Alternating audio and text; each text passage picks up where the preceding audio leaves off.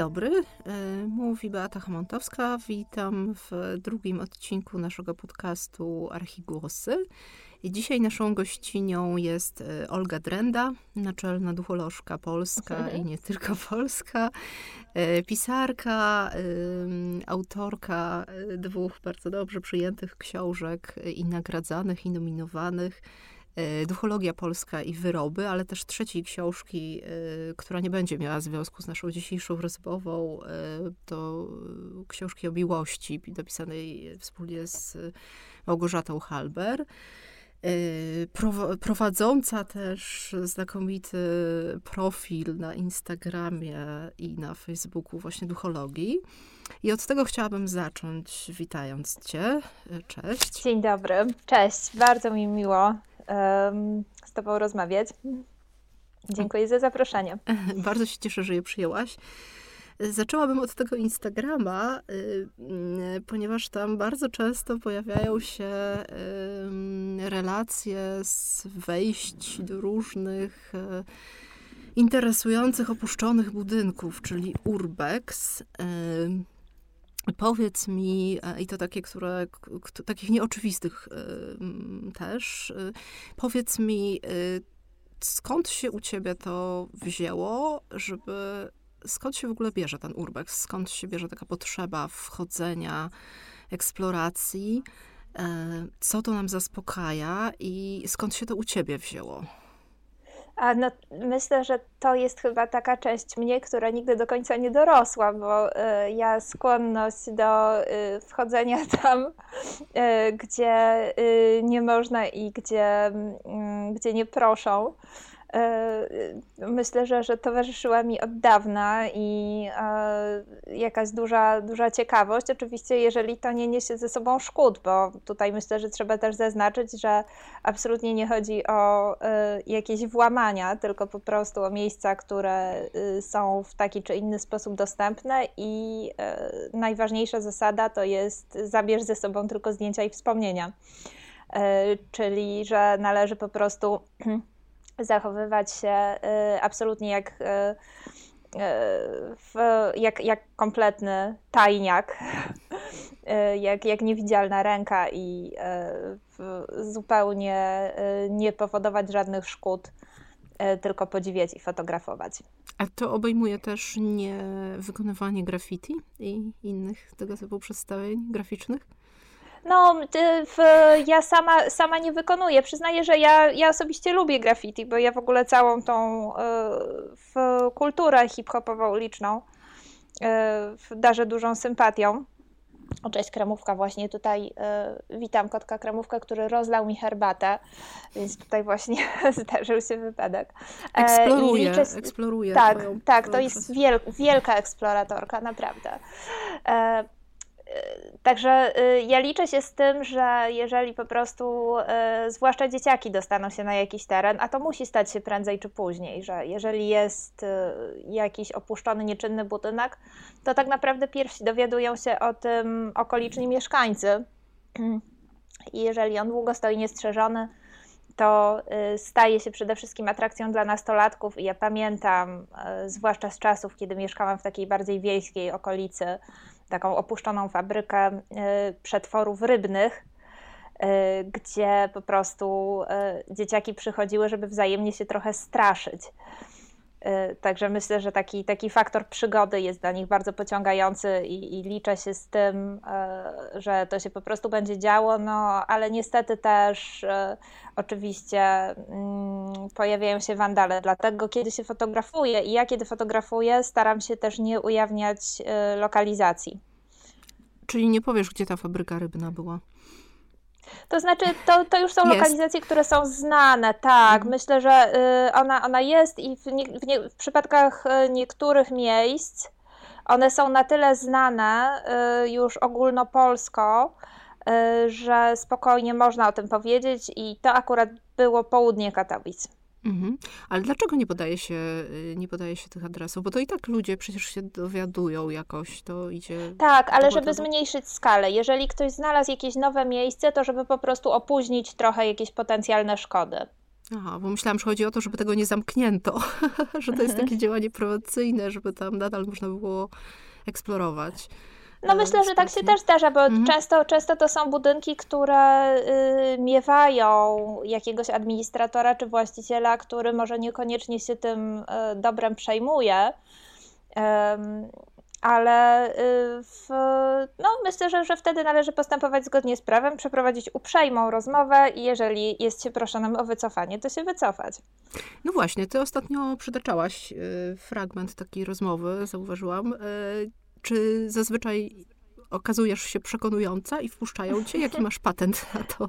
Ja jestem, jestem zdania, że z każdym człowiekiem da się porozmawiać. Y, ostatnio zdarzyła mi się taka faktycznie niemiła przygoda, kiedy y, ja akurat y, zachowywałam się całkowicie na legalu, dlatego że po prostu korzystałam z prawa panoramy i robiłam zdjęcie, którego budynek był tylko jednym z elementów, a sama stałam na ulicy. Mhm. E, ale akurat e, ze stróżówki wyłoniła się pani, której e, nie podobało się to, co robię. Ja chciałam wdać się w uprzejmą rozmowę, żeby wyjaśnić, że nie mam żadnych złych zamiarów, ale widocznie jednak ona po prostu nie życzyła sobie, żeby ktokolwiek zakłócał jej spokój. No, dlatego się koniec końców wycofałam, ale jest to taka sytuacja, która zdarza się raczej rzadko. Mhm. Na ogół myślę, że, że jednak e, jestem takiego zdania i, i, staram się mieć podejście, że jednak e, każdy jest po prostu człowiekiem, który ma jakieś ludzkie sprawy i ludzkie problemy i da się do niego porozmawiać, da się, da, się, da się z nim pogadać e, na takiej zwyczajnej e, stopie. Mhm. Super, yy, czyli raczej masz 99% sukcesów. Tak, tak, tak. Jeżeli, jeżeli wyjaśniam, że to jest, to jest moje hobby, robię yy, po prostu zdjęcie na pamiątkę, jestem zwykłym cywilem tutaj, po prostu nie mam żadnych szemranych intencji, Y, nie chcę y, ani wykupić i zniszczyć tego terenu, ani nie jestem żadnym szpiegiem, to, y, to, to myślę, że wtedy, wtedy jest ok. A powiedz mi, czego ty tam właściwie szukasz i na ile też zastanawiam się w ogóle sam, samo to zjawisko urbexu w twoim przypadku i w szerszym ma związek w ogóle z samą architekturą i designem. Mhm. Mhm. Właśnie przede wszystkim tego, przede wszystkim pozostałości e, jakiegoś ciekawego wystroju czy y, ciekawych budynków, ciekawych wnętrz. Dlatego, że szczególnie mnie interesuje mm, stara architektura wypoczynkowa, to tutaj e, Marcin Wojdak, czyli Kosmoderna, się specjalizuje w tej dziedzinie, w opuszczonych ośrodkach wypoczynkowych. E, czasami też biurowa, takie budynki administracyjne, przyfabryczne. E, i e, właśnie raczej, raczej użyteczności publicznej niż prywatnej. One bardzo często miewały jakieś dekoracje e, albo oficjalne, zamówione, typu na przykład mozaika czy jakaś ciekawa posadzka, albo samoróbkowe właśnie, takie jak w mojej książce Wyroby, czyli jeżeli ktoś robił sobie fototapetę czy wyklejankę z wizerunkami gwiazd, gołych pań i kotków, Pamiętam, że w takiej nieistniejącej już e, części e, kompleksu Nowochódzkiego, mhm. E, kiedy, w, o to już kilkanaście lat temu, w moich urbexowych początkach, kiedy tam weszłam, to właśnie były jakieś sceny batalistyczne, kotki i gołe panie. Mhm. Także tego typu dekoracje, czy jakieś y, samoróbkowe y, rysunki na ścianach też się zdarzają z lat 80., bardzo stare graffiti. Y, wszystko to takie archiwa przeszłości, które oczywiście jakby nieudokumentowane znikną na zawsze, bo to też są miejsca, które się często znajdują na uboczu, więc mnie interesują wyłącznie ciekawe kadry i dokumentowanie tych miejsc. Mhm. Czyli ważniejsze jest to, co wewnątrz, niż to, co na zewnątrz, chyba, jeśli tak też myślę o tym, bo sama też trochę może nie jestem aż tak doświadczoną mhm. e, eksplorerką, ale też lubię wchodzić w różne miejsca i raczej to chyba przyciąga nas ciekawość to, co, tego, co tam, co tam jest. Właśnie, czy tam jest jakiś stan entropii, co tam, co tam się zachowało, niż tak, sam tak, budynek. Tak, tak, hmm. Oczywiście, tak, tak. I to, co, to, co się zachowało, to czy zostały lampy, czy została boazeria, no bo oczywiście wiadomo, że jakby mm, jest tak, że są też bardzo czujni ludzie, którzy poszukują wszystkiego, co metalowe, i myślę, że to są takie raczej zorganizowane grupy, które po prostu starają się wyczaić jakiś opuszczony budynek, żeby wyciągnąć z niego wszystkie możliwe kable i zdemontować wszystko, co metalowe, dlatego że w tym jest potencjalny zysk. Mhm. E, no i w momencie, kiedy to się dzieje, to zazwyczaj to jest e, pierwszy krok do jakiejś kompletnej destrukcji. E, no ale nie, nie, wszędzie, nie wszędzie do tego dochodzi. Nie wszędzie do tego dochodzi. Zdarzają się takie budynki, y, które stoją sobie spokojnie, na przykład miewają też na nie oko sąsiedzi y, i bywa, że po prostu rozmowa z takim sąsiadem i wyjaśnienie, mm, że nie robi się nic złego, y, to też pomaga wejść. Mhm. Tyle tylko, że faktycznie się trzeba, trzeba się trzymać tych intencji. No. Mhm. Czyli to wewnętrzne, bo istotnie jak też sobie uświadomię, jakie E, obiekty gdzieś tam przyciągają, to to często są zupełnie jakby ich wartość architektoniczna, taka, e, którą by docenił powiedzmy historyk sztuki albo historyk architektury jest nikła. Na przykład e, to są jakieś typowe czynszówki warszawskie już w stanie, mhm. w stanie rozpadu, które jakby od strony architektonicznej nie mają żadnych szczególnych walorów, czy właśnie jakieś takie nie wiem, nawet blok opuszczony po bazie posowieckiej, zwykły blok, tak, albo, albo rzeczywiście jakaś taka architektura przemysłowa. E, a może my tam szukamy właśnie, to jest takie, taka chęć jakby wejść do nietkniętej, nie wiem, jakiejś łodzi podwodnej i zobaczyć, jak tam w kapsule no tak, czasu trochę, się coś przechowało. Tak, trochę, trochę jak ci nurkowie, którzy zwiedzają wraki statków na dnie Bałtyku, tak, no coś, coś w tym jest faktycznie, ale myślę, że pusta przestrzeń y, to jest y, potencjał dobrego kadru.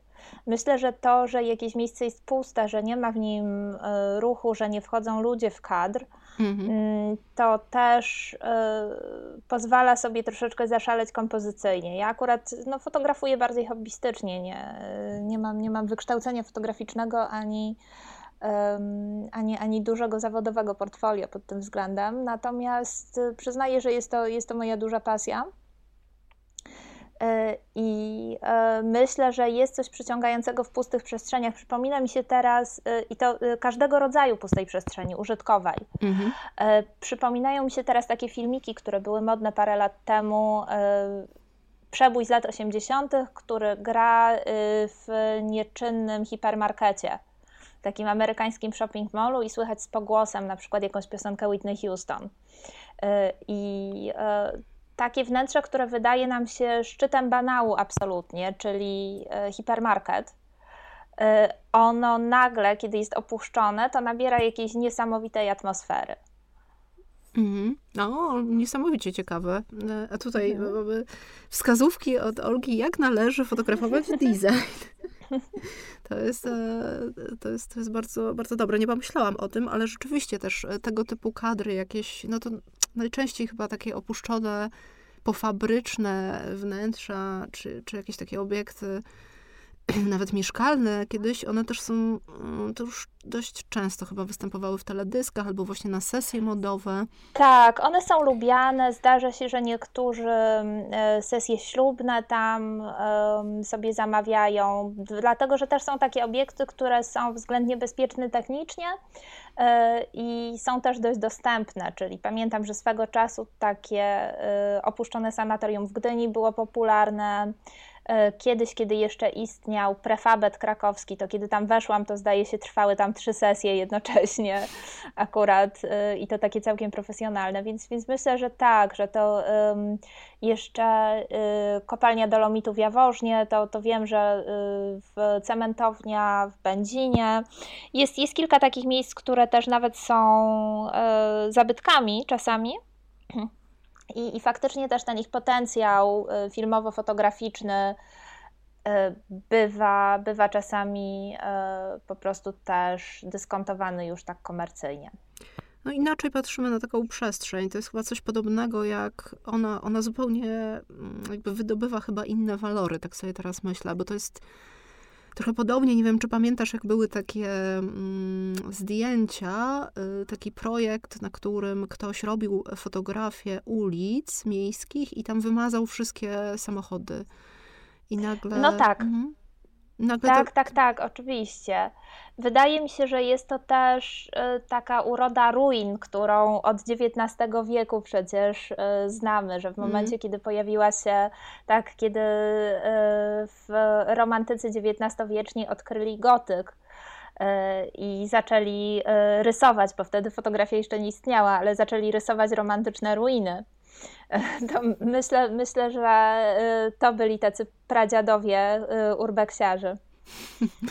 Bardzo fajne skojarzenie. Do, do, tego, do tych ruin romantycznych to jeszcze za chwilę, za chwilę wrócimy, ale chciałam cię zapytać, żeby to tam nie umknęło. E, powiedz mi, pamiętasz swoją pierwszą taką eksplorację urbexową? Co to było i co z tego powstało później?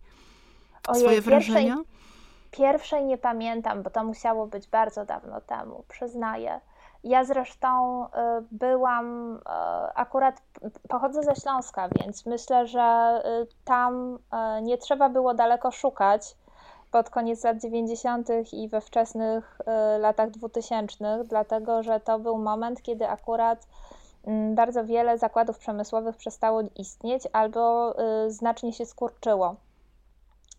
I myślę, że wtedy y, no to był akurat też taki moment przejściowy, kiedy one dość często stały otwarte albo częściowo otwarte, y, nie było pieniędzy na administrowanie ani nawet strzeżenie tego i y, jeszcze też nie, nie było takiego masowego zainteresowania deweloperów czy inwestorów,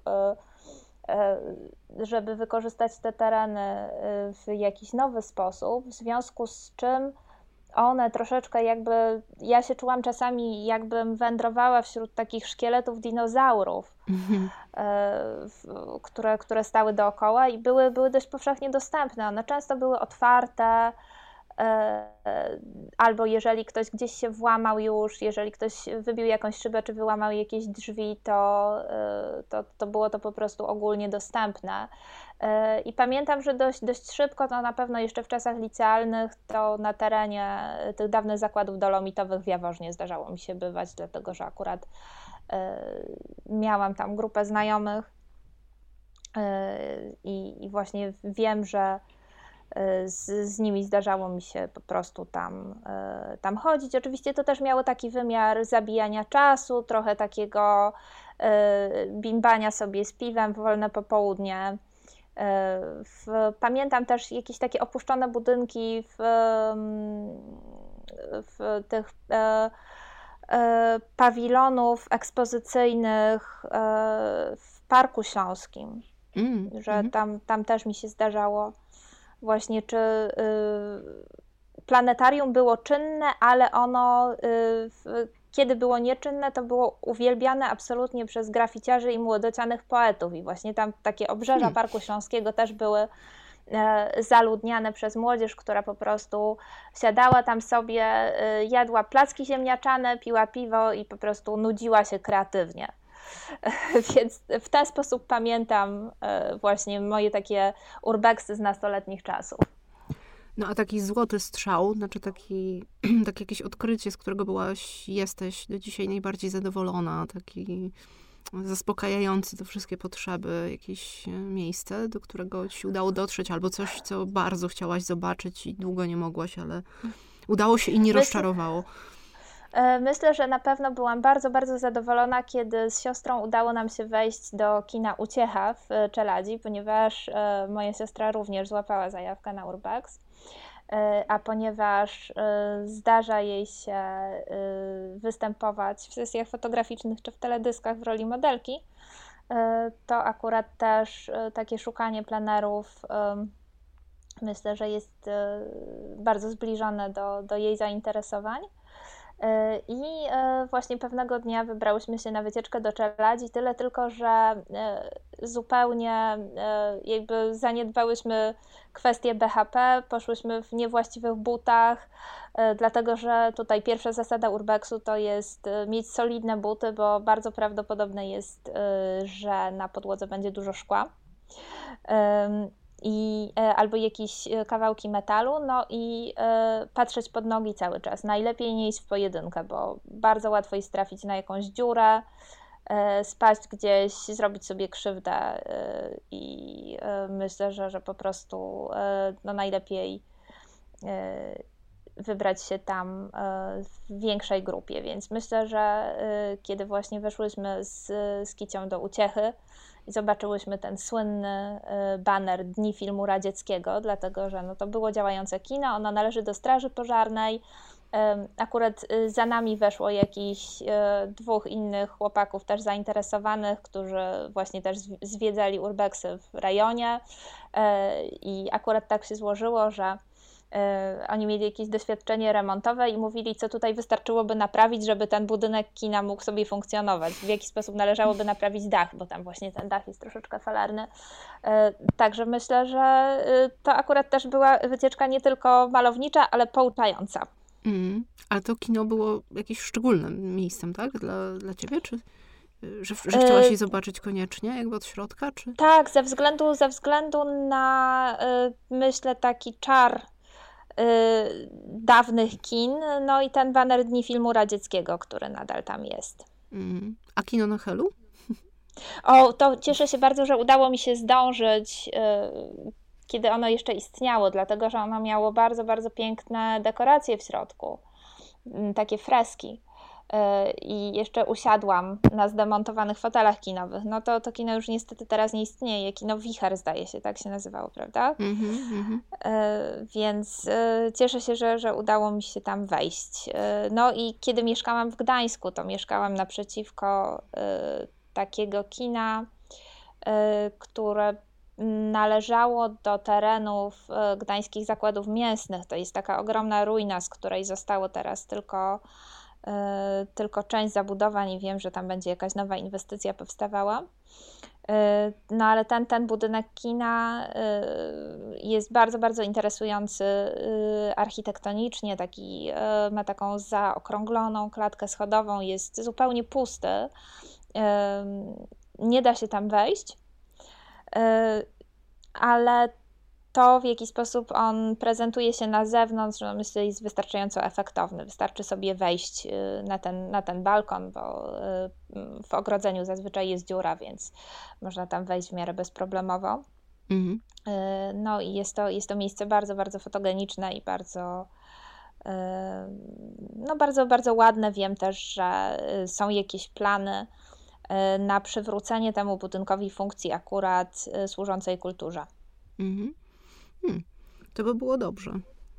Tak, no, mam, mam nadzieję, że to się uda, no, chociaż y, wiem też, że za każdym razem, e, jeżeli są jakieś plany dotyczące nowych inwestycji na terenach poprzemysłowych, no to bardzo często są piękne plany i wielkie obietnice, a realizowane no tak w minimalnym stopniu albo symbolicznie, więc myślę, że trzeba tutaj e, niestety też liczyć, liczyć się z tym, że, że czasami to pozostaje jedynie w sferze obietnic. Właśnie tak powiedziałam, to by było dobrze, ale się mhm. złapałam, trochę ugryzłam w język, bo to jest też taki smutek trochę yy, chyba się pojawia, kiedy oglądamy te opuszczone miejsca i właśnie ten cały ich urok y, związany z tym, że są, y, że są w takim właśnie entropicznym stanie, Mhm. to potem on zanika, no to się przeobraża w coś zupełnie innego, nowego, świeżego, a z drugiej strony oczywiście no chcemy, żeby takie obiekty gdzieś przetrwały, tak? Nie, nie. Tak, i bywa, że one, że one są odnawiane naprawdę y, w, z, z, z, taką, z taką troską i uwagą. Byłam niedawno w Radomsku gdzie tamtejsze Centrum Kultury właśnie odnowiono. Co prawda wioślarz po kolizji z samochodem teraz przechodzi rehabilitację, bo tam jest taka rzeźba wioślarza przed, przed budynkiem, ale samo Centrum Kultury ono nie zostało odnowione w taki sposób, że przypomina teraz, nie wiem, jakąś banalną bryłę multikina, E, tylko ma w sobie wiele z oryginałów, e, ma ciekawy wystrój w środku i myślę, że z takim szacunkiem dla oryginalnego projektu go zachowano i, i pamiętam, że, że, że czułam się tam bardzo dobrze. E, czy takie małe kino w dawnym Domu Kultury Straży Pożarnej w miejscowości Ryki na przykład też to wiem, że to wielcy pasjonaci kina o to dbają. No właśnie myślę, że, że kina ze, ze względu na to, że jakby no to jest miejsce magiczne samo w sobie, e, to kiedy one są opuszczone, to wywołują szczególny smutek i myślę, że też chciałoby się je zachować. W tej chwili akurat, e, kiedy nagrywamy, to jestem w Łodzi i wiem, że e, właśnie z tych, z tych łódzkich kin E, niestety zostało niewiele. Niektóre z nich pełnią teraz zupełnie nową funkcję. W Pabianicach jest e, nieczynne kino Mazur, które wydaje mi się, że w środku musi być niezwykłe zupełnie, bo jego, jego front jest przepiękny. E, także myślę, myślę, że właśnie no, opuszczone kina one mają taki jakiś szczególny czar. A byłaś w kinie Tivoli w Grudziądzu? Widziałam tylko z zewnątrz. Mm, no właśnie, ja też tylko z zewnątrz. Mhm. Korciło mnie, ale tam nie, nie ma. Nie, nie, nie ma jak Nie, wejść, nie, wydaje mi, się, wydaje mi się, że to jest chyba jakiś kompletny pustostan albo nawet tylko front. Mm, tam chyba był pożar. Ale nie jestem pewna. Z tego co pamiętam. Możliwe, to, to tutaj Grudziądzan prosimy o y, korektę. Tak, to kino miało, miało chyba pecha, bo z tego co pamiętam, jak czytałam o nim, ono było reaktywowane, no ale może nas naprowadzi ktoś na, na trop, mhm. co się z nim tak, dzieje. Tak, jest też y, y, takie bardzo ciekawe kino, w tej chwili już nieczynne, ale y, jest po nim tablica pamiątkowa i zdaje się, że wnętrze czeka na jakieś zagospodarowanie w Łukowie. Hmm. I to jest kino, które działało chyba przez niemal 100 lat. Hmm. Ja sobie zapisuję także, tutaj to wszystko. Także łuków też, też warto odwiedzić. A powiedz, jakie przestrzenie ci się najlepiej eksploruje? Czy to są pojedyncze budynki, czy całe takie wielkie kompleksy, czy, hmm. czy coś innego może jeszcze? Y, ja bardzo, bardzo lubię dawne, y, dawne ośrodki wypoczynkowe. Myślę, że taki sanatoryjny klimat, to tutaj właśnie, tak jak wspomniany już y, Marcin Wojdak, no on się w nich specjalizuje i faktycznie w, miał wystawę teraz y, w Instytucie Designu w Kielcach poświęconą tym obiektom. Też dlatego, że one mają bardzo dużo ciekawego detalu w środku czyli jakieś mozaiki, freski, posadzki. Y, zdarza się, że jakieś myszki Miki takie w, na, na jakichś domkach e, letniskowych namalowane, a ja jestem wielką fanką wszelkich podróbek myszki Miki, czyli tak zwanej brzydkiej Miki. Mm.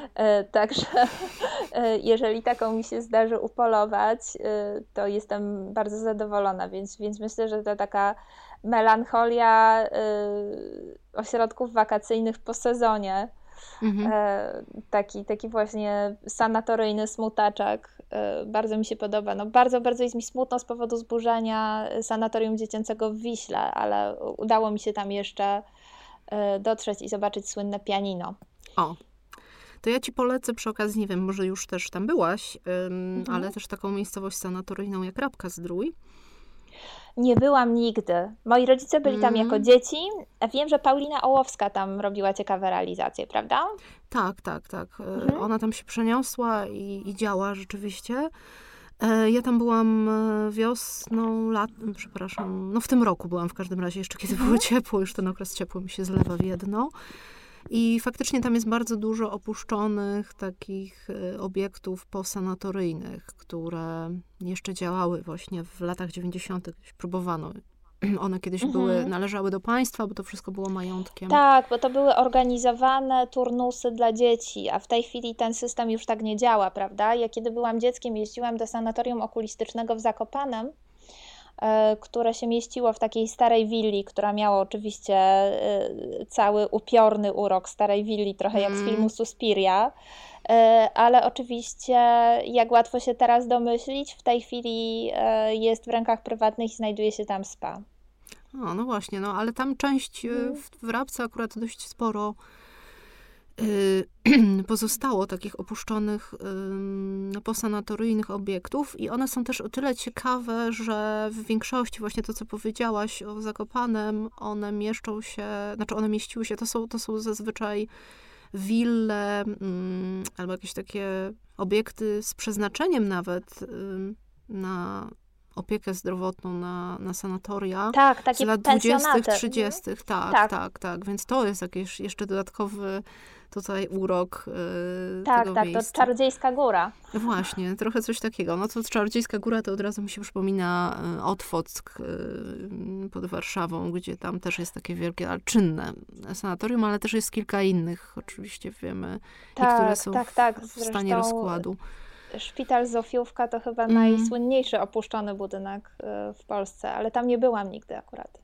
No właśnie, ja tam byłam z kolegą i e, rozbawiło nas to, bo wydawało nam się, byliśmy w taki mm, dość mało atrakcyjny dzień, e, że będziemy tam jedynymi eksploratorami. Tymczasem, gdy weszliśmy, bo tam oczywiście można wejść bez problemu, nie ma żadnego ogrodzenia, idzie się przez e, kawałek lasu, to tam na miejscu już było chyba z 10, no nie przesadzam, grup o tak, to tak samo jak tak, tak jak to y, sanatorium y, gdyńskie y, również y, jest, jest bardzo często oblężone, zwłaszcza przez dzieciaki, które na przykład y, mogą podejść i zapytać, czy widziała już pani tutaj krwawą Mary.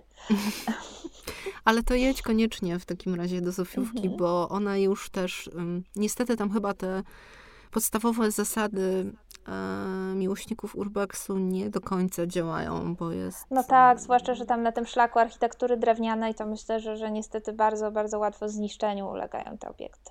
Tak, tak, więc tam już trochę jest rozbierane po kawałku. Mhm. Mm, a wróćmy do tego jeszcze teraz, y, przejdźmy płynnie może do jeszcze jednego wątku naszej rozmowy, który chciałam poruszyć. Tak jak rozmawiałyśmy, wspomniałaś o tych XIX-wiecznych romantykach e, odwiedzających ruiny. Czego ty, jako, jako Olga Drenda, szuka w architekturze? Jak ty się na, na architekturę w ogóle patrzysz? No tak, ja, ja właśnie y, ja patrzę y, jako y, pasjonat i amator. E, z drobnymi elementami wykształcenia kierunkowego, to znaczy nieukończoną historią sztuki oraz e, kursami w ramach etnologii, więc e, najbardziej znam się na budownictwie ludowym. Ale to bardzo fachowo. Słuchaj. Tak, no także, także akurat jeżeli pojadę do, do skansenu, no to jestem w stanie tam poopowiadać o, o, o konstrukcji danego budynku właśnie w sposób, e, w sposób ekspercki.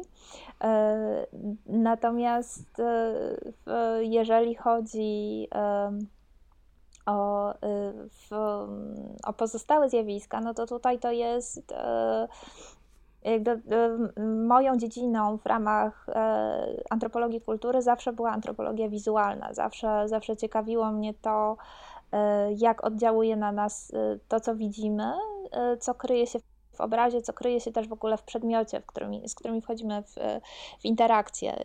Pisząc duchologię, dałam książce pod tytuł Rzeczy i ludzie w latach transformacji. I pamiętam, że zastanawialiśmy się w wydawnictwie charakter, czy nie lepiej ludzie i rzeczy, ale jednak te rzeczy są na pierwszym planie, a w dalszym stopniu zastanawiam się właśnie, jak wchodzi mi z, z nimi w interakcję i co, co, co z nich E, wymyślamy, jak je interpretujemy y, i, jak raczej e, bywa, że rzeczy też rozgrywają nas. E, także tak, to nasze takie życie, życie z przedmiotami, życie z formami, życie z obrazami bardzo mnie interesuje. Zawsze też bardzo ciekawiła mnie fotografia, no i, i myślę, że akurat tutaj fotografia architektury i fotografia uliczna to jest moja ulubiona dziedzina. Mhm, ale nie taka wylizana, jak rozumiem. Oj, nie, nie, nie. Właśnie raczej zdecydowanie takie klasyczne y, snapshoty. Mhm.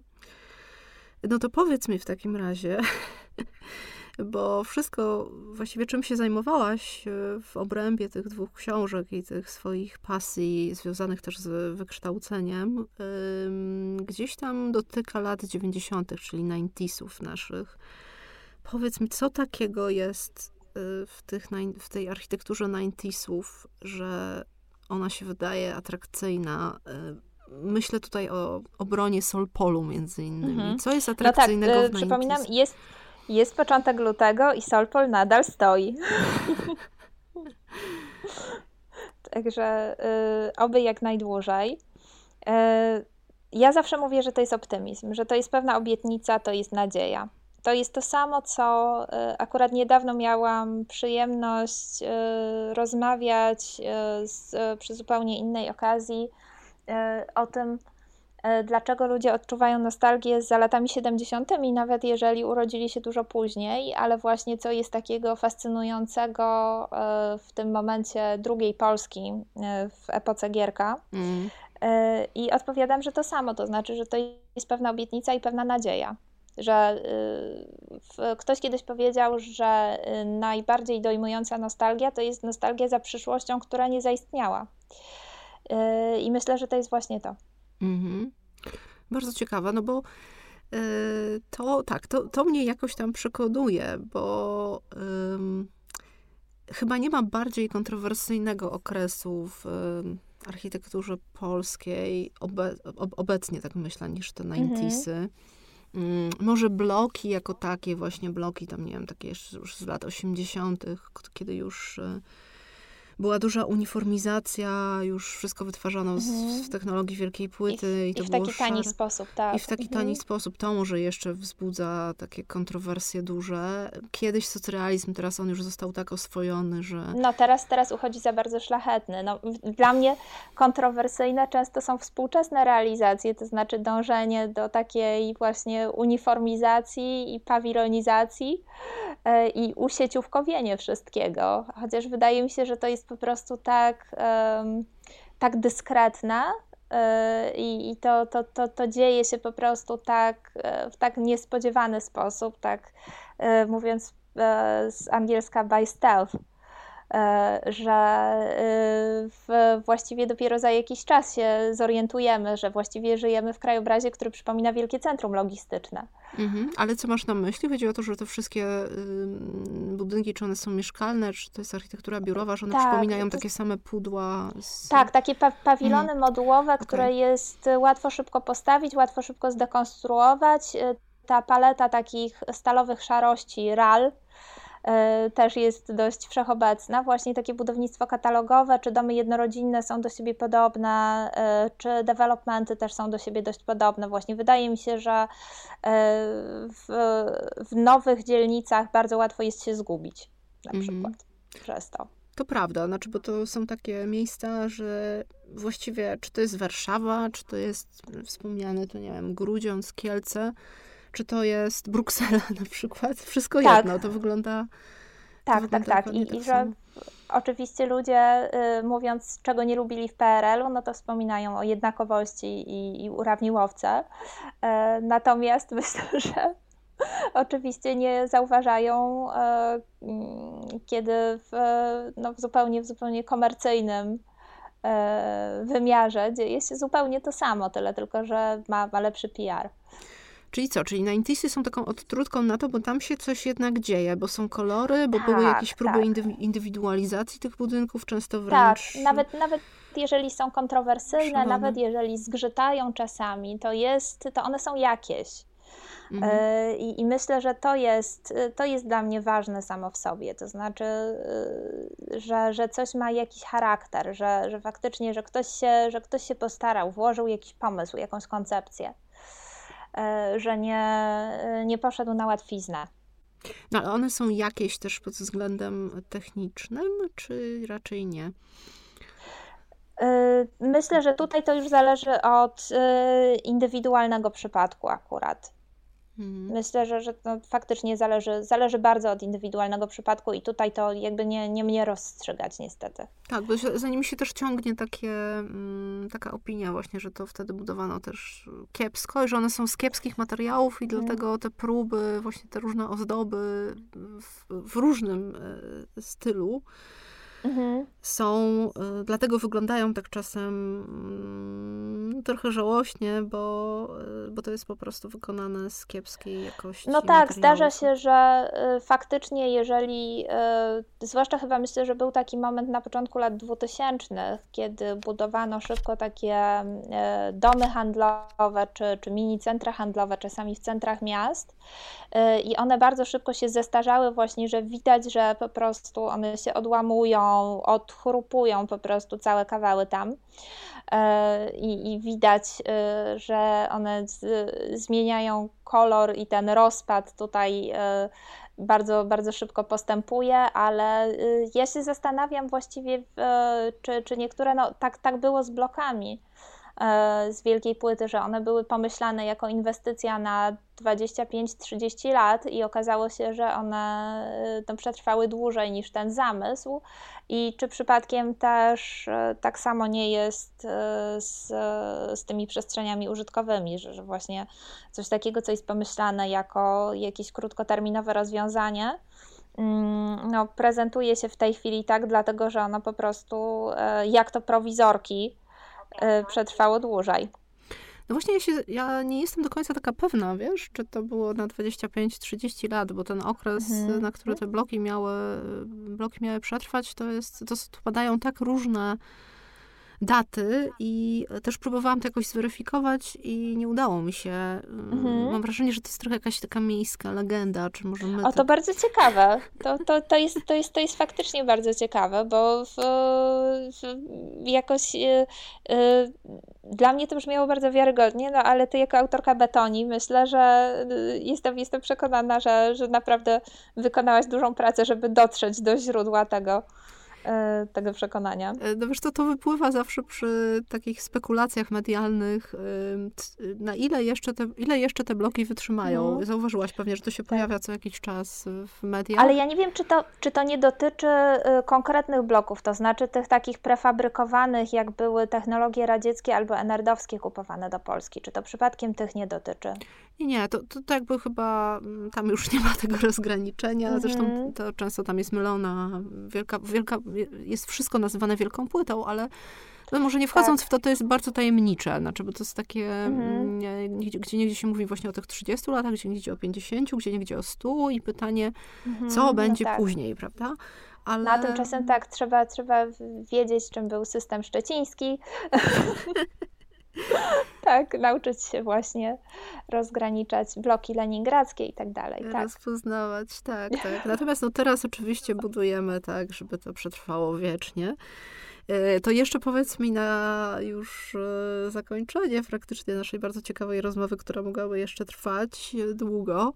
Czy 90 to jest polska specjalność wyłącznie? Jakby to, co rozumiemy jako 90 o nie, nie, absolutnie nie. Myślę właśnie, że y, to jest absolutnie globalny trend, tyle tylko, że on w Polsce się pojawił troszeczkę później, że to jest y, coś takiego, co na świecie y, było modne w latach 80., u nas pojawiło się w latach 90. i czasami po prostu w troszeczkę tańszej wersji, że nawet te wszystkie takie jakieś pseudoantyczne, tak jak swego czasu zdaje się pod Alwernią, w, w Małopolsce był e, taki gigantyczny różowy dwór z jakimiś łabędziami i lwami, no to to wszystko jest uczenie się od Las Vegas.